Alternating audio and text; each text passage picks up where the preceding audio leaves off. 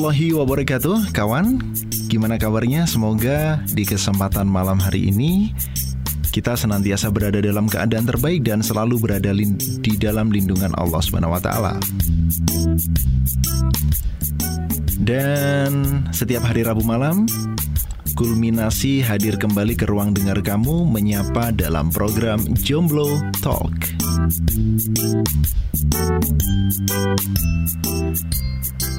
Nah kawan kalau kita bicara tentang cinta Pasti yang terdengar itu enak-enaknya. Cinta itu manis seperti bunga Bagus, indah dan lain sebagainya.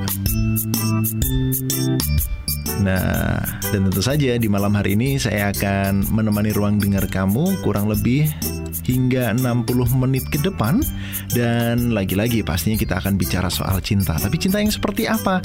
Nah, ceritanya gini kawan.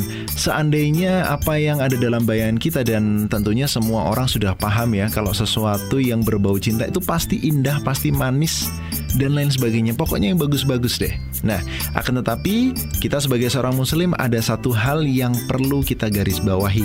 Apa itu? Tentu saja, apakah di dalam cinta terdapat keridhaan Allah atau tidak?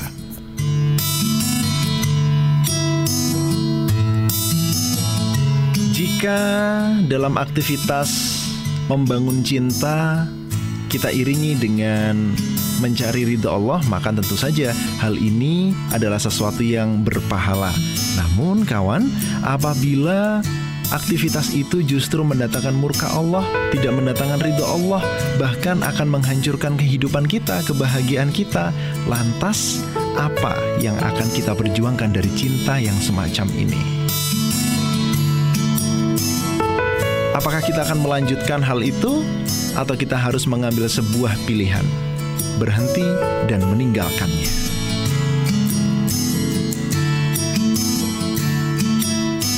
Untuk itu malam hari ini saya akan menemani ruang dengar kamu dengan tema bahasan move on.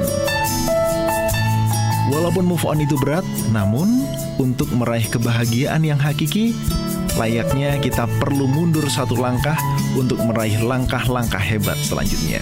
Jangan ke mana-mana, tetap di Jomblo Talk di titik kulminasi.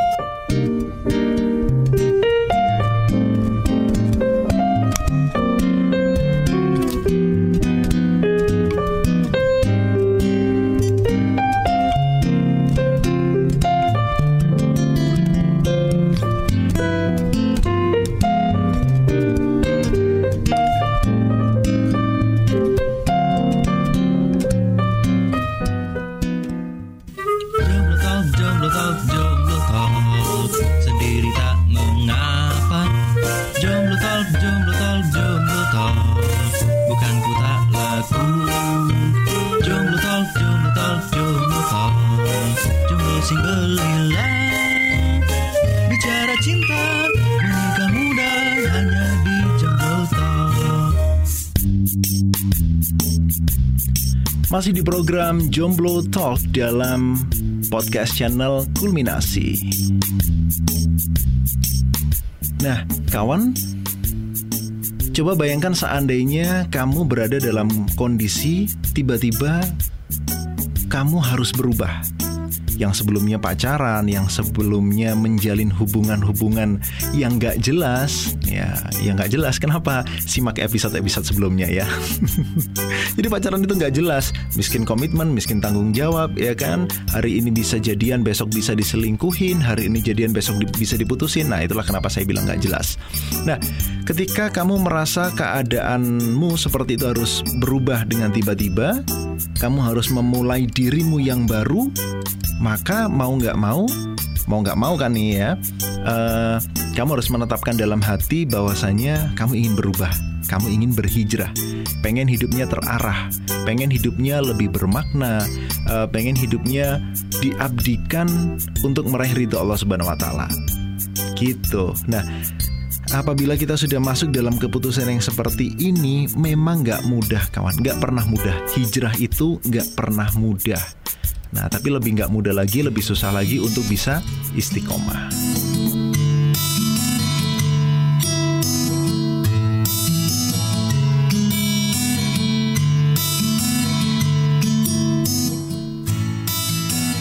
Mengapa susah hijrah itu?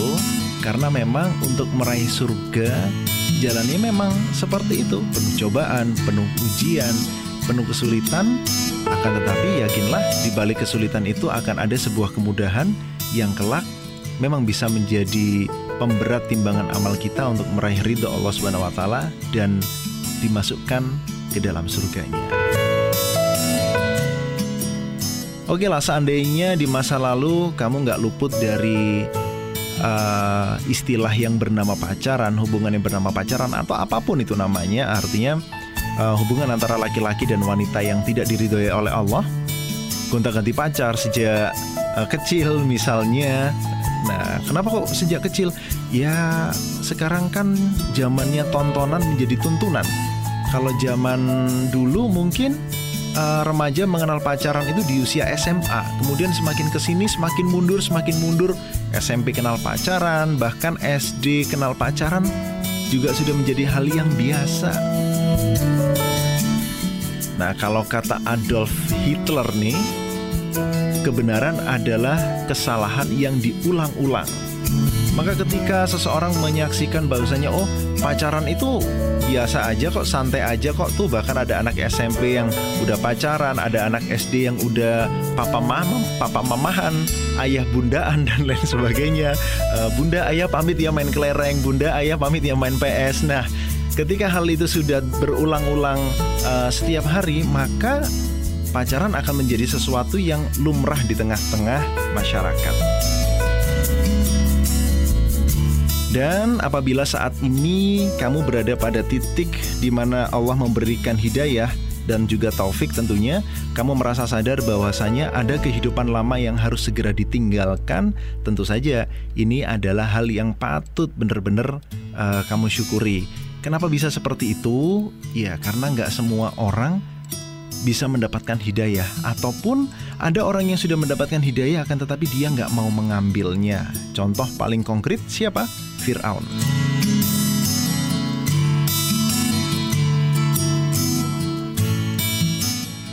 Ya nggak nyalahin kamu juga sih Boleh jadi ya seseorang itu kan kalau sudah menemukan uh, pasangan yang cocok Ya walaupun itu masih pacar begitu ya boleh jadi dia akan berharap wah inilah uh, pasangan terakhirku. Inilah um, orang yang nanti akan menemani sampai mati. Ya boro-boro sampai mati. Nikah aja belum gitu ya.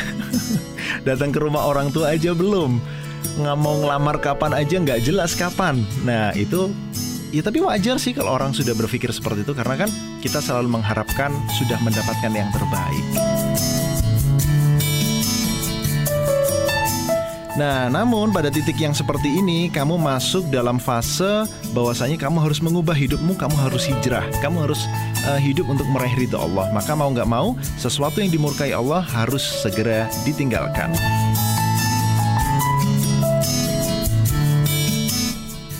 Maka hal pertama yang di sini wajib untuk kamu sadari adalah bahwasanya keputusanmu untuk meninggalkan pacaran, keputusan hijrah ini bukan karena apa, bukan karena siapa, tapi itu semua adalah karena kita ingin memenuhi kewajiban dari Allah Subhanahu wa taala dan tentu saja ingin hidup berada uh, ingin uh, hidup dengan berada di atas koridor yang telah Allah tetapkan.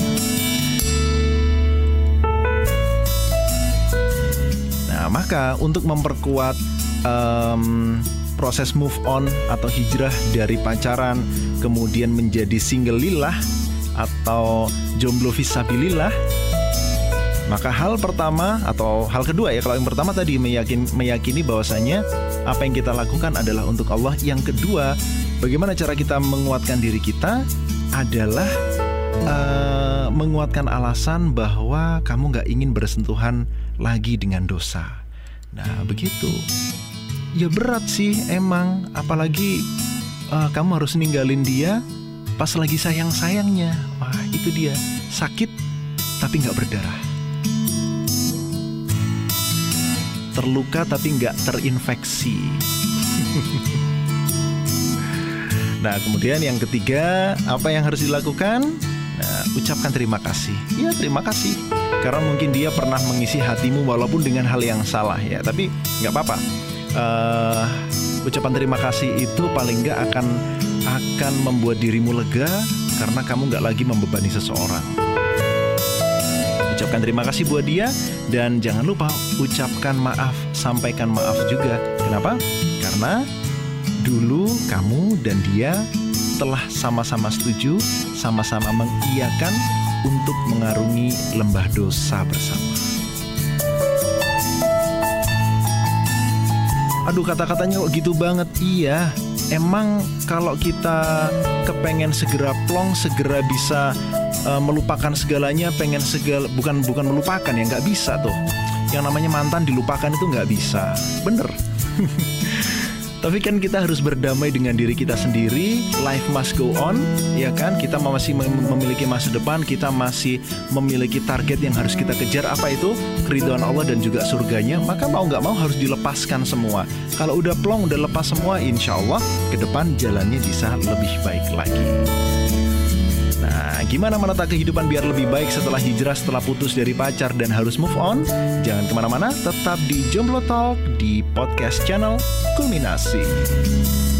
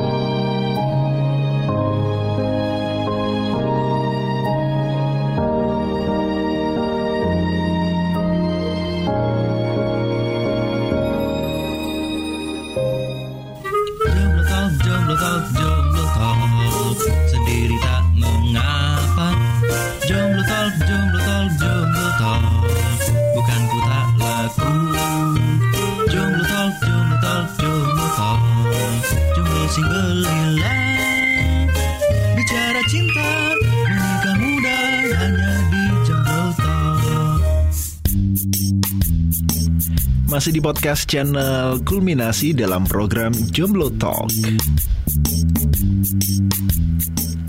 Nah kawan, sudah sesuatu yang lumrah ya apabila kamu berubah, kamu move on, kamu hijrah, di situ muncul pertanyaan-pertanyaan yang datang begitu derasnya seperti hujan. Itu adalah hal yang lazim memang ketika pertama kali kamu berhijrah gitu. Kenapa? Karena orang akan melihat sesuatu yang berbeda dari diri kamu yang mungkin sebelumnya pacaran, sebelumnya masih suka jalan bareng, makan bareng, nonton bioskop bareng, pulang pergi bareng, pulang sekolah bareng, diantar ke rumah uh, sama si Doski Kemudian sekarang berubah 180 derajat Gak mau deket-deket dengan lawan jenis Gak mau uh, berinteraksi dengan um, tanpa batasan tidak tidak bisa lagi uh, berinteraksi sebebas dulu. Nah, tentu saja orang pasti bertanya-tanya, "Wah, ada apa dengan dia?" Kemudian ketika kamu menjawab pertanyaan itu dengan ya insya Allah saya udah berhijrah, saya aku pengen move on, aku pengen begini, aku pengen begitu dan lain sebagainya. Nah biasanya nih uh, omongan-omongan miring, waduh soalim, aduh Pak Ustadz, aduh Bu Ustazah ya. Hal yang seperti itu akan muncul, sok bau surga dan lain sebagainya. Ya jawab aja dalam hati yang nggak apa-apa lah, sok bau surga daripada sok bau neraka. Gimana itu sok bau neraka? sok bau neraka itu contoh nih, kita udah ngerti Islam, kita udah paham Islam, kita udah ngerti yang mana yang halal, mana yang haram, tapi kita mencoba untuk melanggarnya.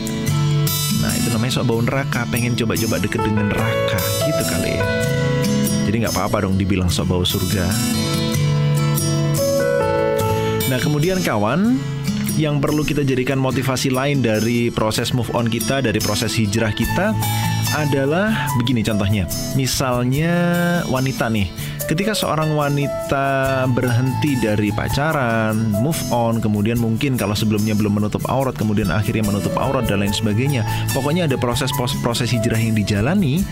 Nah, kelak di akhirat, seorang wanita ini akan dipertanggungjawabkan oleh empat orang laki-laki. Siapa dia? Ayah, suami, anak laki-laki, dan saudara laki-laki. Mereka akan ditanya, kenapa si Fulanah ini bisa kayak begini? Kenapa dulu si Fulanah pacaran? Kenapa uh, si Fulanah ini bisa uh, mendekati zina? Berjalan berdua bareng orang yang bukan mahramnya dan lain sebagainya? Pertanyaan itu akan ditanyakan kepada empat orang laki-laki yang ada di sekitar kamu. Nah, dengan hijrahnya kamu, dengan move onnya kamu, dengan berhentinya kamu dari pacaran, maka paling tidak kamu bisa menyelamatkan empat orang ini. Ya kalau sekarang lagi jomblo pasti ya ada uh, ayah, kemudian ada saudara laki-laki. Nah, maka jadikan proses hijrahmu ini proses move on dari pacaran kemudian berhenti mutusin pacar, ninggalin pacar itu sebagai kado terindah untuk ayah, untuk orang tua kamu di akhirat kelak.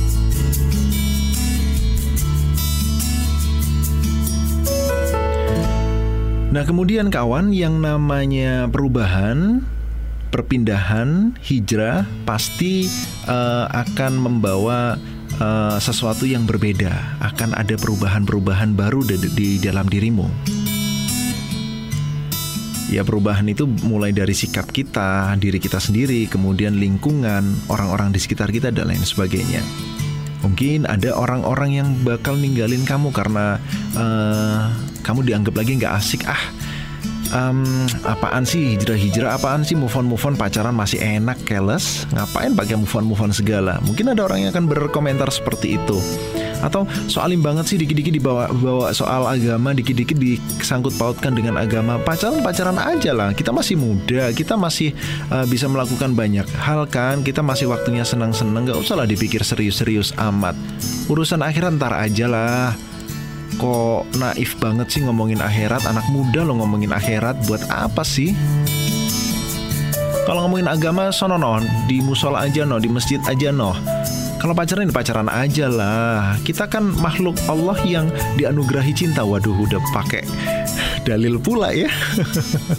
Ya perkataan-perkataan itu akan ada dan orang-orang yang semacam itu perlahan-lahan kawan akan meninggalkan kamu.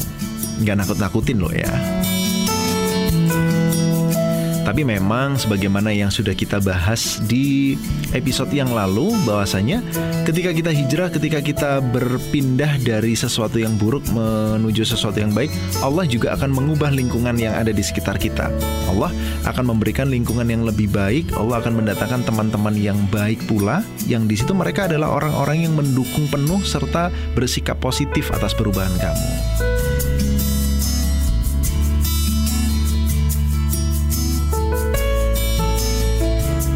Ya kalau kita yang dijauhin, kalau kamu yang dijauhin, ya nggak apa-apa. Setidaknya kan bukan kamu yang jauhin mereka. Setidaknya kan bukan kamu yang ingin silaturahim atau hubungan itu putus gitu. Maksudnya dengan sesama teman sesama jenis loh ya. Jangan dibilang nanti ah saya nggak mau memutuskan hubungan, eh ujung-ujungnya ternyata mutusin hubungan sama laki-laki nggak jadi. Nah kan repot juga. Nggak seperti itu ya sis, bro. Nah, kemudian ketika uh, level perubahan itu sudah semakin kuat, kemudian kamu sudah perlahan-lahan belajar untuk jadi orang yang istiqomah, ingat, semakin tinggi pohon, semakin kencang angin yang berhembus. Begitu juga dengan orang yang berhijrah, begitu juga dengan orang yang move on, baru ninggalin pacarnya dan lain sebagainya. Semakin berusaha untuk taat, maka semakin banyak besar, uh, semakin banyak pula cobaannya, semakin besar pula cobaannya. Nah, bagaimana caranya untuk mengatasi itu? Ya, sebenarnya nggak susah sih. Yang namanya orang berubah, yang namanya orang kepepet, orang butuh support itu kan boleh aja dong menangis ya. Laki-laki sekalipun boleh kok nangis, nggak ada yang larang kamu untuk nangis. Tapi nangisnya di tempat yang tepat. Jangan di tengah-tengah mall, di tengah-tengah uh, kerumunan keramaian tiba-tiba kamu nangis tanpa ada sebab. Nah nggak lucu itu. Kapan boleh nangis? Nah Allah menyediakan waktu di malam hari untuk kita menangis menyediakan waktu juga di pagi hari untuk membangun semangat. Kapan itu? Pada saat kita uh, bangun di malam hari kemudian kita mencurahkan apa uh, yang menjadi unek-unek yang menjadi keluh kesah kita kepada Allah Subhanahu wa taala di sholat tahajud, qiyamul dan lain sebagainya. Pokoknya sholat-sholat yang bisa kita kerjakan di uh, dini hari atau juga kita boleh uh, meminta kepada Allah untuk dikuatkan, diberikan rezeki yang lapang, diberikan rezeki yang luas, dibukakan pintu-pintu rezeki. Karena memang rezeki ini bukan bukan hanya urusan finansial aja ya, tapi juga urusan-urusan yang lain. Artinya kemudahan-kemudahan dalam hidup kita itu juga uh, rezeki dari Allah Subhanahu wa taala. Kapan? Pada saat kita uh, mendirikan sholat duha.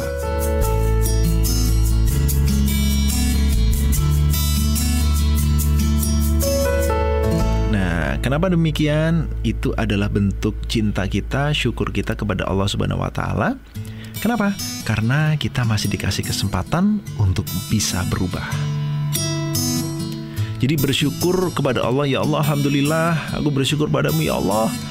Uh, engkau masih membukakan hidayah untukku, memberikan waktu untukku untuk bertaubat dan lain sebagainya. Tentu itu nggak bisa dimiliki oleh semua orang. Kita bisa bayangkan orang yang Uh, misalnya saja ketika dia sedang berbuat maksiat, kemudian Allah menurunkan azabnya, kemudian Allah juga mengirimkan malaikat Israel untuk mencabut nyawanya. Ya, kalau contoh ekstrimnya nih, wadaw, ekstrim, ya. Contoh ekstrimnya adalah uh, bagaimana kita bisa melihat penduduk Pompei, penduduk kota Pompei di Italia pada waktu itu yang sekarang mereka diabadikan oleh Allah, diawetkan oleh Allah dalam bentuk uh, batu. Jadi mereka menjadi patung, jasadnya jadi batu, jadi patung begitu. Jangankan untuk beri, berteriak, jangankan untuk bertobat ketika letusan itu terjadi, ketika uh, apa namanya itu lahar menggulung kota Pompei, mereka nggak bisa mereka nggak punya waktu untuk mengubah ekspresi birahinya, maaf nih ya, mengubah ekspresi birahinya menjadi ekspresi ketakutan. Jadi dalam keadaan mereka bermaksiat seperti itu melakukan perbuatan uh, zina, homoseksual, kemudian uh, apa itu namanya? Ya pokoknya perbuatan-perbuatan maksiat yang uh, luar biasa begitu ya uh, mereka nggak punya waktu bahkan untuk mengubah ekspresi birahinya menjadi ekspresi ketakutan, kesakitan, langsung mati pada saat itu juga. Nah, ketika sekarang kita berubah nih, kita move on, kita mutusin pacar, berhenti pacaran, walaupun itu sakit, tapi Allah masih memberikan waktu untuk meredam rasa sakit itu, kemudian mengobatinya dengan senantiasa mendekatkan diri kepada Allah, dan insya Allah di kemudian hari, hati kita akan bersemi kembali dan siap untuk menerima cinta yang hakiki. Wadaw. siap menanti uh, jodoh yang memang disediakan oleh Allah untuk orang yang sama-sama baiknya.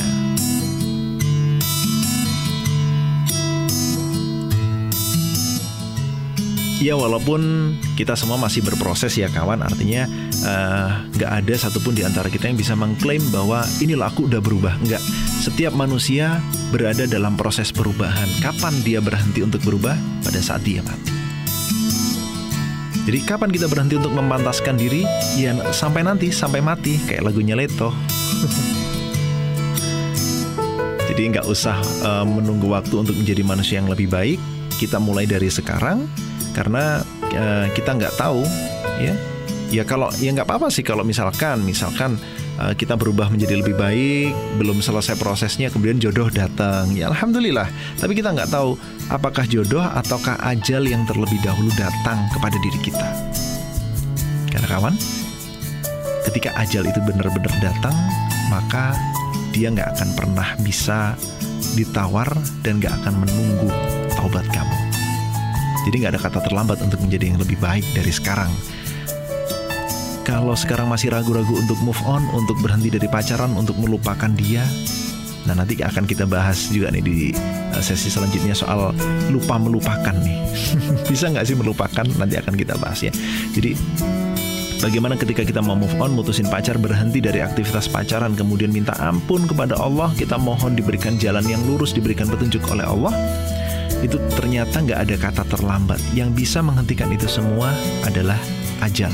Dan tentu saja kita nggak pernah bisa meremehkan yang namanya ajal. Ia bisa datang kapan pun dan di mana pun.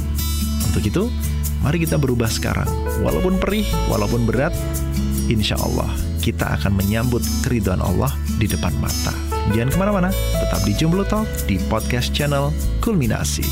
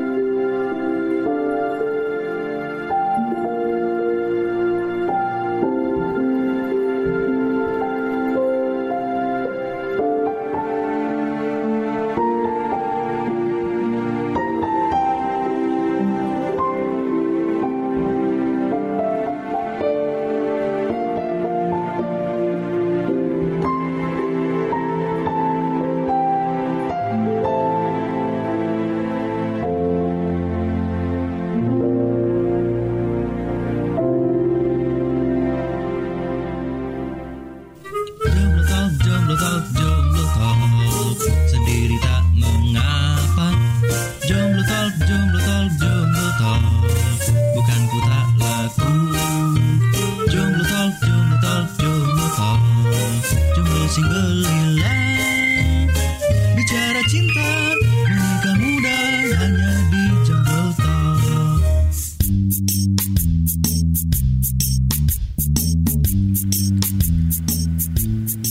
Lagi dalam program Jomblo Talk di podcast channel Kulminasi.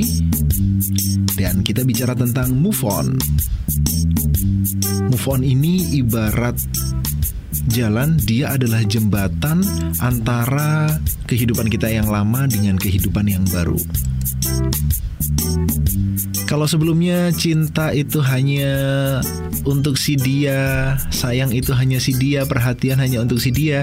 Nah, kemudian kita move on, kita menyadari bahwa itu semua tidak diridhoi oleh Allah dan kita meyakini bahwa satu-satunya yang dapat memberikan cinta dengan sepenuhnya adalah Allah Subhanahu wa taala. Nah, maka kita move on dari cinta kepada makhluk menjadi cinta kepada Allah.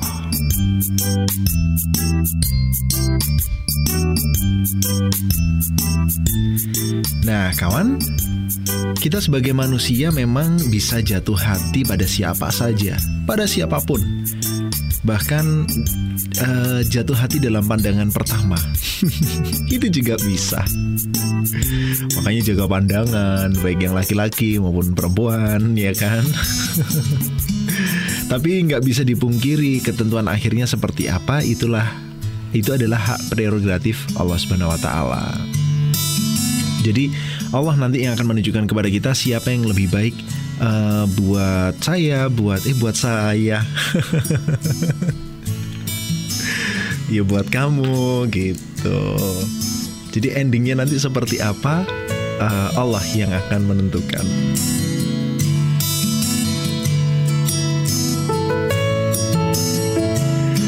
Nah, pada akhirnya siapa pun dia, syukuri saja. Hmm, keceplosan tadi ngomongnya. Ending yang ending apa?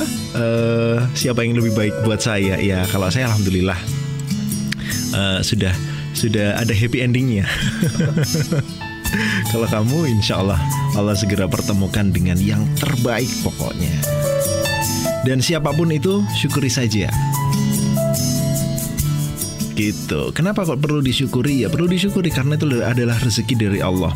Uh, kamu beranjak move on dari uh, seseorang atau suatu kondisi di mana Allah tidak meridhoi kamu kemudian uh, berpindah kepada ke uh, ke dalam keadaan yang Allah meridhoi kamu. Kemudian Allah memberikan jodoh di situ, Allah memberikan pasangan di situ. Wah, indah sekali tuh. Lalu gimana caranya move on sama yang lama? Nah, kalau kemarin ada salah satu episode di podcast kita di um, High Five, uh, saya uh, menceritakan sebuah kisah tentang uh, gajah, tentang gajah. Jangan berpikir tentang gajah. Maka ketika saya bilang seperti itu, kamu akan berpikir tentang gajah.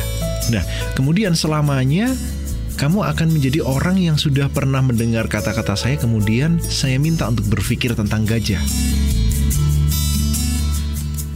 Nah, sekarang pun ketika kamu ingin move on, kamu juga akan menjadi orang yang uh, benar-benar berbeda. Kamu nggak bisa mengembalikan kondisi di mana kamu belum pernah kenal sama uh, mantan, belum pernah punya hati sama mantan, belum punya uh, perasaan atau perhatian sama mantan. Nggak bisa. Untuk itu susah sekali kalau kita harus melupakannya. Ibarat kata pepatah, dia sudah mengisi salah satu lubuk hati yang kosong. Jadi nggak bisa dilupakan. Nah, gimana caranya? Caranya adalah dengan berdamai dengan diri sendiri. Artinya apa? Kita berdamai dengan diri sendiri, berdamai dengan hati kita, dengan pikiran kita. Sudahlah, uh, dia memang pernah ada dan apa pun yang pernah terjadi pada saat itu Cukup sampai di situ aja.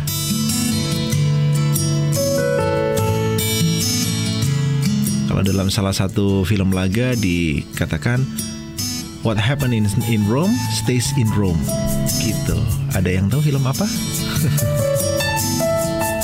Jadi udah yang udah terjadi pada saat itu sebelum kamu move on ya sudah biarkan itu terjadi dan uh, kita sudahi saja. Artinya kita nggak akan mengulangi hal yang sama untuk bisa terjadi sama diri kita. Kita pernah punya rasa sama mantan, ya udah, biarkan rasa itu uh, memang pernah ada, tapi lupakan aja. Eh sorry, bukan lupakan.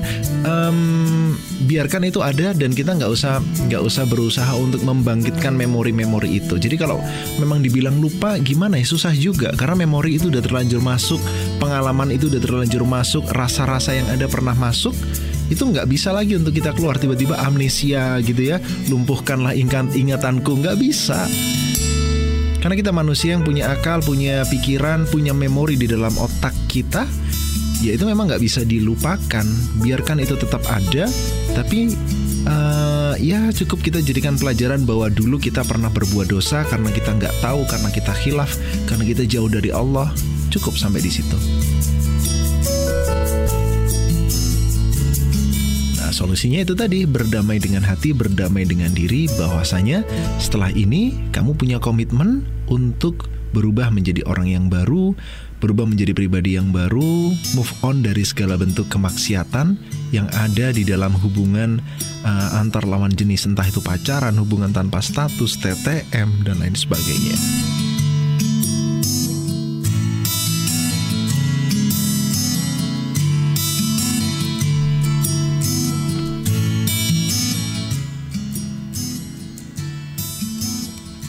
Nah, uh, kemudian kawan,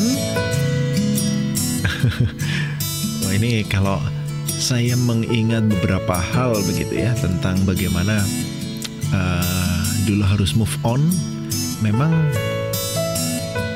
ya memang nggak bisa dipungkiri suatu hari uh, contoh nih misal kita um, pernah gitu ya pernah jalan di suatu tempat yang kemudian tempat itu mengingatkan tentang mantan, tentang orang-orang yang dulu pernah hadir di dalam hidup kita, ya memang tiba-tiba keingat begitu. Ini memang kalau uh, kita masih menahan rasa itu ya udah keingat. Habis gitu ya inget dia lagi. Kalau ke sini ya inget dia lagi. Uh, ikut pelajaran fisika ya inget dia lagi. Loh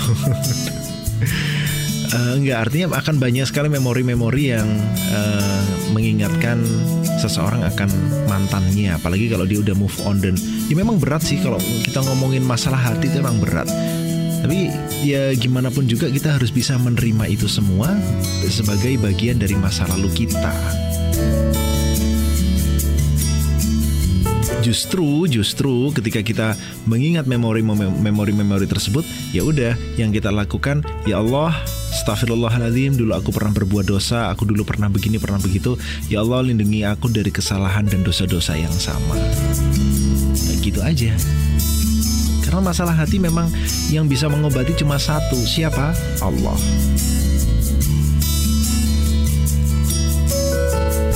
Nah, berikutnya jaga diri juga. Maksudnya jaga diri apa? Terutama jari-jari kita ya. Kalau di zaman sekarang ini gadget, kemudian uh, eh, PC, laptop dan lain sebagainya itu bisa mendekatkan kita pada sosial media. Nah, jadi jangan sekali-kali coba stalking uh, akunnya mantan, buka-buka lagi eh, foto-foto uh, yang dulu dan lain sebagainya, hapus semua Artinya uh, kita meminimalisir sesuatu yang bisa men-trigger kita untuk mengingat masa-masa itu. Jadi ibaratnya masa-masa itu biarlah berlalu kemudian kita kubur dalam-dalam dah. Kalau ditanya inget, ya inget sih tapi udah nggak ada rasa. Nah begitu. Berat ya? Iya. Apa sih yang enteng kalau masalah hati?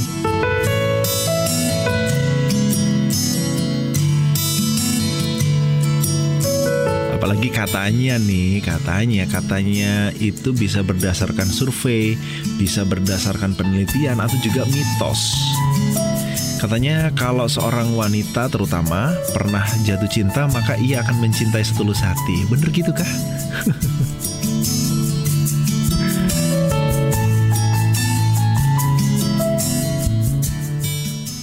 Ya kalau memang bener ya ingat sedalam-dalam rasa kita sama mantan, ingat bahwa hati, pikiran, bahkan diri kita sekalipun adalah milik Allah Subhanahu wa.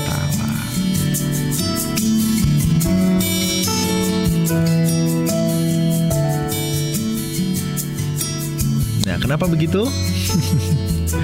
Ya karena di depan mata kita ada masa depan yang menanti dan uh, ini ya ketika kita memutuskan untuk move on, ketika kita memutus uh, memutuskan untuk mutusin pacar, ninggalin pacaran, nah uh, biasanya nih rata-rata, wah rata-rata iya uh, sering kali uh, saya menyaksikan begitu ya, uh, ada hal-hal yang luar biasa terjadi pada diri orang tersebut.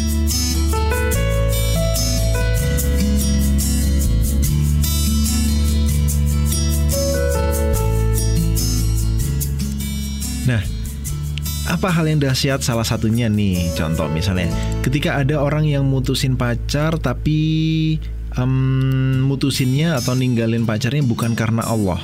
Mungkin dalam waktu beberapa hari atau beberapa minggu dia bakal minta balikan sama mantannya Iya, karena banyak sekali setan yang membisiki udah ayo balikan lagi, ayo begini lagi. Uh, kamu bisa kok menjaga diri kamu dari perbuatan-perbuatan yang mendekati zina dan lain sebagainya. Itu bisikan setan mulai muncul tuh uh, di masa-masa uh, proses hijrah. Kemudian uh, setan mengingatkan kembali tentang memori-memori indah bersama uh, mantan dan lain sebagainya. Nah, sementara orang yang memutusin eh, yang mutusin pacarnya karena Allah, yang hijrah karena Allah, move on karena Allah, nggak akan uh, berani menjawab pikiran-pikiran yang buruk seperti itu.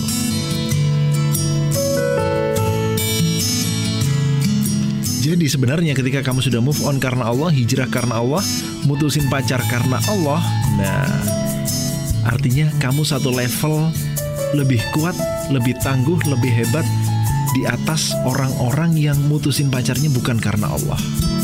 Jadi udah kalau kalau semua karena Allah itu hmm, luar biasa lah jadinya ya. Sementara teman-teman yang lain misalnya kamu punya teman yang baru juga memutusin pacaran dan lain sebagainya Aku kangen sama mantanku, aku pengen balikan, aku pengen begini dan begitu Masa kamu enggak sih? Gitu Nah, kita dengan gamblang pada saat itu mungkin misalnya menjawab enggak kok, aku sudah punya yang baru. Hah, maksudnya iya, aku sudah punya Allah sebagai kekasihku. Yang setiap saat pasti akan melindungiku, pasti akan memberikan yang terbaik dan tahu bagaimana masa depanku nanti akan terjadi. Untuk itu, aku nurut aja sama Allah. Dengan demikian setan-setan yang berusaha untuk mengganggu nggak jadi mengobrak abrik hati kamu. Asik kan? Nah, selepas ini akan ada beberapa tips yang akan saya bagikan untuk mengisi jadwal-jadwal hari-hari yang uh, kemarin sudah diisi dengan pacaran, kemudian harus diubah. Nah, seperti apa? Jangan ke mana-mana, tetap di Jomblo Talk dalam podcast Kulminasi.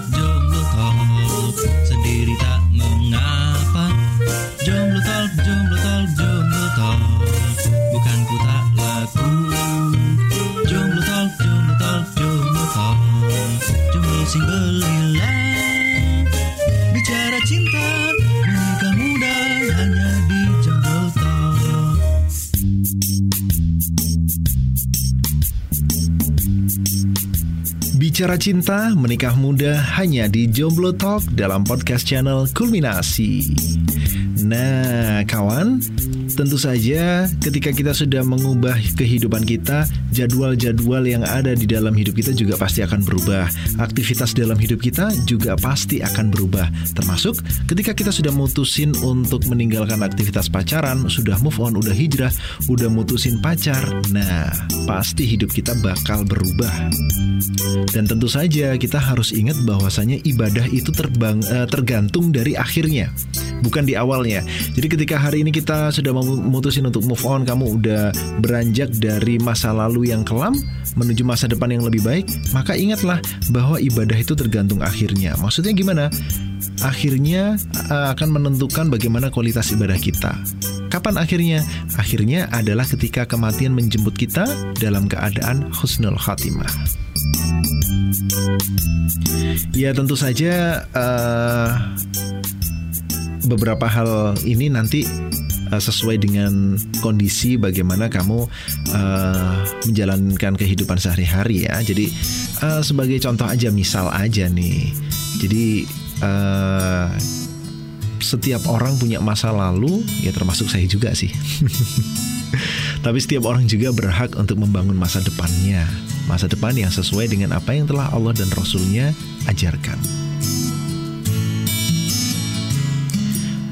Nah ini berdasarkan pengalaman nih kawan Ada beberapa hal yang bisa kita lakukan untuk move on. Termasuk move on dari pacaran. Nah kalau saya sih yang awalnya dulu uh, mengenal Islam hanya uh, rukun Islam aja, syahadat, sholat, zakat, puasa, haji, itu aja. Kemudian lebih jauh lagi mengenal Islam bahwasanya Islam itu mengatur A sampai Z kehidupan kita, mengatur mulai dari kita bangun tidur sampai kita tidur lagi, semuanya diatur oleh Islam. Dan ternyata di situlah uh, kemudian saya memahami, waduh, Islam gua ini Islam apaan kalau begitu? Artinya pemahaman saya selama ini sangat minim sekali. Apalagi kalau kita taunya Islam itu cuma singkatan dari Isya, subuh, lohor, asar, maghrib, udahlah. Selesai.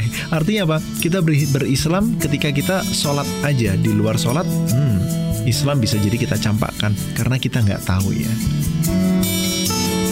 Nah, gimana kemudian uh, cara kita mengisi uh, move on yang baik hari-hari ketika kita move on dan uh, supaya bisa istiqomah menjalani hari-hari sampai nanti uh, insya Allah kita diambil Allah dalam keadaan khusus khatimah. Nah, Tentu saja kita harus memperdalam keilmuan kita tentang Islam. Hasanah tentang Islam harus ditambah. Jadi nih, usia kita mulai akil balik kemudian mengisinya hari-hari itu dengan kemaksiatan-kemaksiatan bernama pacaran kemudian sekarang kita sudah menjadikan um, momen itu sebagai masa lalu kemudian kita mengawali hari baru lagi nah awalilah dengan kita mempelajari agama kita mengetahui apa-apa yang diajarkan oleh dinul Islam ini paling enggak uh, kita ngaji seminggu sekali. Bukan hanya ngaji uh, Al-Quran, bukan hanya membaca Al-Quran dan artinya, tapi juga kita memahami bagaimana Islam ini menyelesaikan segala bentuk permasalahan. Jadi menambah sakofah Islam gitu. Nah, yang kedua setelah kita belajar Islam, kita mempelajari ilmu-ilmu tentang Islam, memperbanyak hasanah tentang Islam dan sakofahnya juga.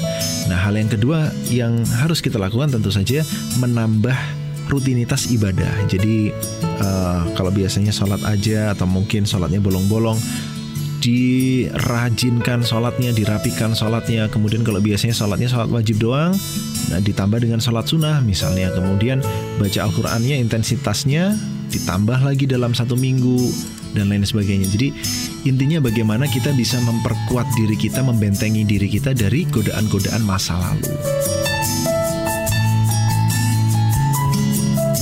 Karena katanya uh, kids zaman now itu masa lalu ibarat gas air mata.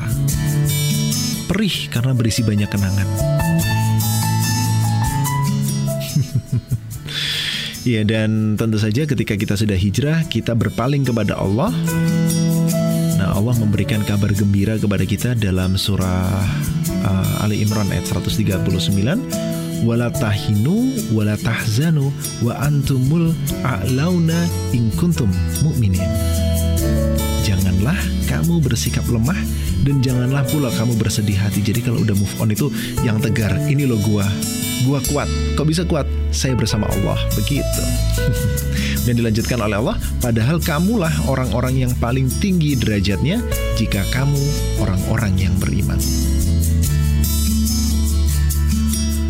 Dalam uh, kitab tafsir Al-Muhtasar uh, disampaikan bahwasanya kalian adalah orang-orang yang paling tinggi derajatnya itu maksudnya terhadap apa-apa yang kalian perjuangkan gitu. Kemudian dijelaskan dalam kitab tersebut, maka sesungguhnya kita manusia tengah berada dalam kebenaran, sedangkan orang-orang yang belum move on, belum hijrah itu uh, sedang berada dalam kebatilan gitu. Kenapa? Karena orang-orang yang sudah move on, hijrah, mutusin pacar karena Allah, uh, menjadikan hidupnya lebih baik karena Allah, adalah orang-orang yang paling tinggi derajatnya di sisi uh, Allah dan Allah adalah zat yang kita perjuangkan namanya dan keagungannya. Nah, begitu ceritanya. Jadi, kita harus tegar, kita harus pede gitu. Yang lain pada pede, pada bangga mamer-mamerin, ngenal-ngenalin pacarnya, pamer-pamer punya pacar baru, punya gebetan baru. kita juga lebih tegar dari mereka. Kenapa? Karena yang melindungi kita adalah yang menciptakan dan mengatur seluruh alam semesta.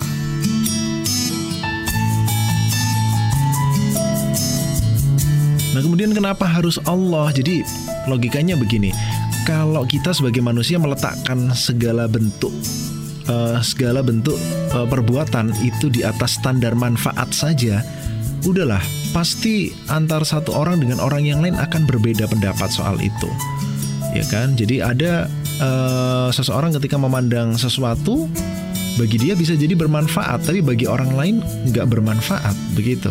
Contoh, kalau kita bahas pacaran, sebagian orang mengatakan loh, pacaran ini banyak hal positifnya, bisa memotivasi belajar, kemudian bisa menjadikan diri kita lebih baik, bisa menjadi sarana amar ma'ruf nahi mungkar. Wow, pacaran bisa buat ibadah ya? Ya bisa sih kalau udah nikah. Uh, sementara bagi orang-orang yang memahami ilmunya, orang-orang yang memahami Islam, orang-orang yang memahami bahwasanya Allah uh, berfirman dalam salah satu uh, surahnya, "Wala taqrabu zina innahu kana fahisatan wa sabila," maka memandang itu sebagai sesuatu yang salah begitu.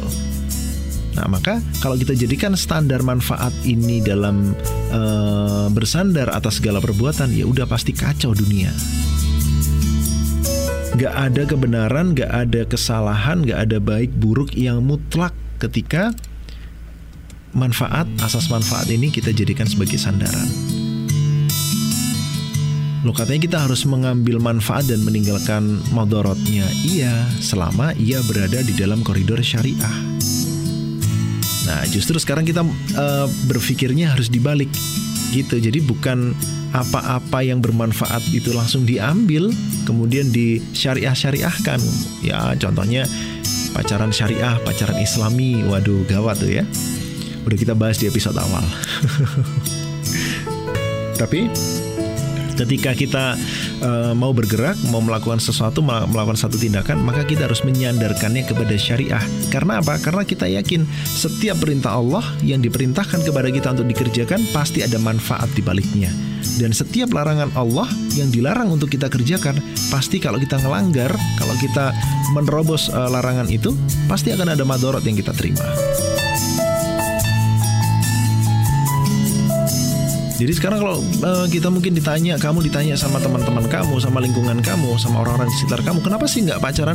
Ya karena memang Allah tidak mengizinkan itu. Bukan karena saya pengen fokus ujian, saya pengen fokus itu dan lain sebagainya. Kenapa? Kalau sudah selesai ujian, udah fokus dengan pelajarannya, udah selesai, udah lulus, bisa pacaran lagi. Nah, begitu. Jadi kita jadikan standar Allah, standar Rasulullah halal dan haram ini menjadi standar perbuatan kita.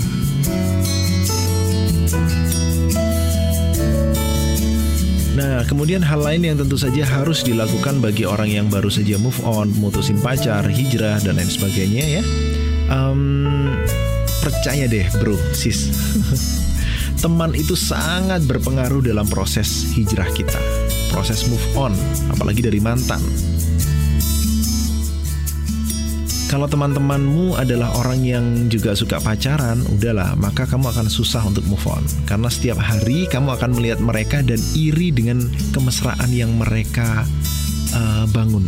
Padahal kamu tahu kalau itu salah gitu. Tapi gimana ya? Namanya uh, orang dikasih tontonan-tontonan yang seperti itu ya mau nggak mau pasti kepengen lah karena itu bagian dari naluri kita. Nah, pun ketika kamu sudah mutusin pacar, orang-orang seperti ini eh, bukannya nasehatin kamu dengan dengan Islam, kemudian eh, mengingatkan eh, untuk senantiasa berpegang pada tali agama Allah, itu, tapi justru eh, mungkin berceloteh, mungkin nyeplos. Aduh sayang sekali sih kok ngapain sih kok putuskan? Udah bertahun-tahun tuh. Padahal kan uh, kalian serasi kasihan dia tahu nggak? Dia itu sejak kamu putusin ngelamun terus kerjaannya begini terus dan lain sebagainya. Ya kalau kata saya sih itu mah laki-laki yang pantas ditinggalin emang ya. Ditinggalkan maksudnya. Nah, itu kalau kita masih bergumul dengan orang-orang yang perlu pacaran. Nah, tapi kalau teman-teman kita itu adalah orang-orang yang uh, senantiasa mengajak kita kepada Islam, aktivis-aktivis dakwah. Nah, bahasanya begitu ya. Kawan-kawan hijrah, sahabat hijrah. Nah, kemudian kamu mainnya di masjid dan tempat-tempat yang memang di situ um, menjunjung tinggi Islam. Nah, ceritanya pasti beda. Kalau yang laki-laki, uh, mungkin kamu akan terheran-heran dengan mereka yang udah lama menjomblo, tetap santai, nggak ada pacar juga hidupnya sangat enjoy, malah justru uh, sebagian dari mereka mungkin bisa berkarya, melakukan sesuatu, meraih prestasi. Kamu mungkin akan terkejut dengan itu. Pun dengan yang wanita, dengan yang perempuan sama juga. Ya ternyata anggun juga ya, ternyata baik juga ya perempuan yang nggak pacaran. Nah, dan yang paling penting, mereka akan membantu proses move on kita dengan baik dan senantiasa mengingatkan bahwasanya Allah senantiasa menyaksikan kita.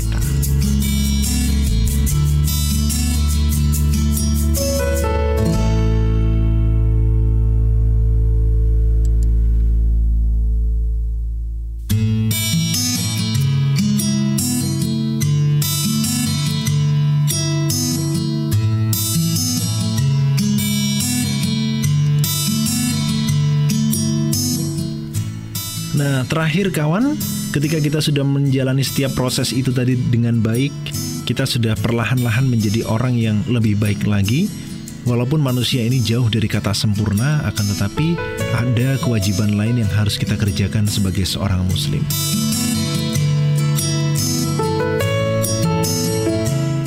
Waman ahsanu qawlan mimman da'a ilallah wa amila salihah wa qala innani minal muslimin dan perkataan mana yang lebih baik ya kan dibandingkan dengan uh, mengajak atau menyeru ke jalan Allah kemudian beramal soleh dan mengatakan sesungguhnya kami adalah orang-orang yang berserah diri.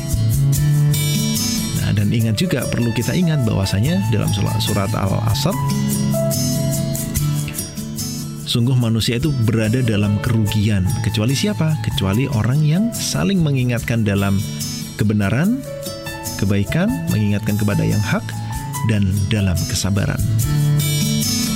Inilah kewajiban berikutnya yang harus kita pikul, yang harus kita emban sebagai seorang Muslim.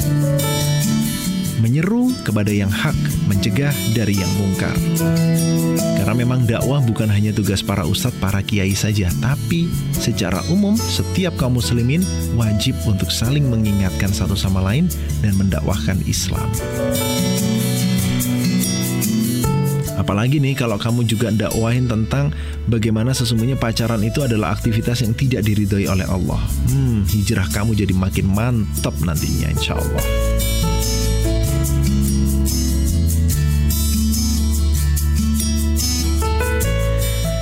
Nah, untuk itu kawan, semoga kita menjadi insan-insan yang tetap istiqomah dalam menjalankan hijrah, move on kita, dan perjalanan menuju kehidupan yang abadi di akhirat kelak. Dan semoga kelak kita akan dipertemukan oleh Allah di dalam surganya sebagai orang-orang yang berhijrah, orang-orang yang mencari ampunan Allah dengan secepat mungkin, dengan sesegera mungkin. Akhirnya, saya Ahmad Adiasta harus segera pamit undur diri dari ruang dengar kamu. Terima kasih telah berpartisipasi hari ini. Sampai jumpa di episode Jomblo Talk berikutnya. Assalamualaikum warahmatullahi wabarakatuh.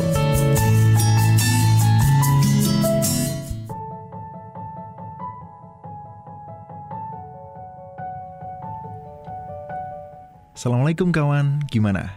Apakah kamu merasakan manfaat dari adanya podcast kulminasi ini? Jika iya, langsung aja klik tombol follow agar kamu selalu update dengan konten-konten kulminasi. Silahkan juga share link podcast Kulminasi agar manfaatnya dapat dirasakan oleh lebih banyak orang lagi. Dan jangan lupa follow Instagram kami di @kulminasipodcast agar kita bisa saling sapa. Di sana, kamu juga bisa meninggalkan komen, saran, kritik, dan masukan agar kualitas podcast Kulminasi ini dapat lebih baik lagi. Assalamualaikum warahmatullahi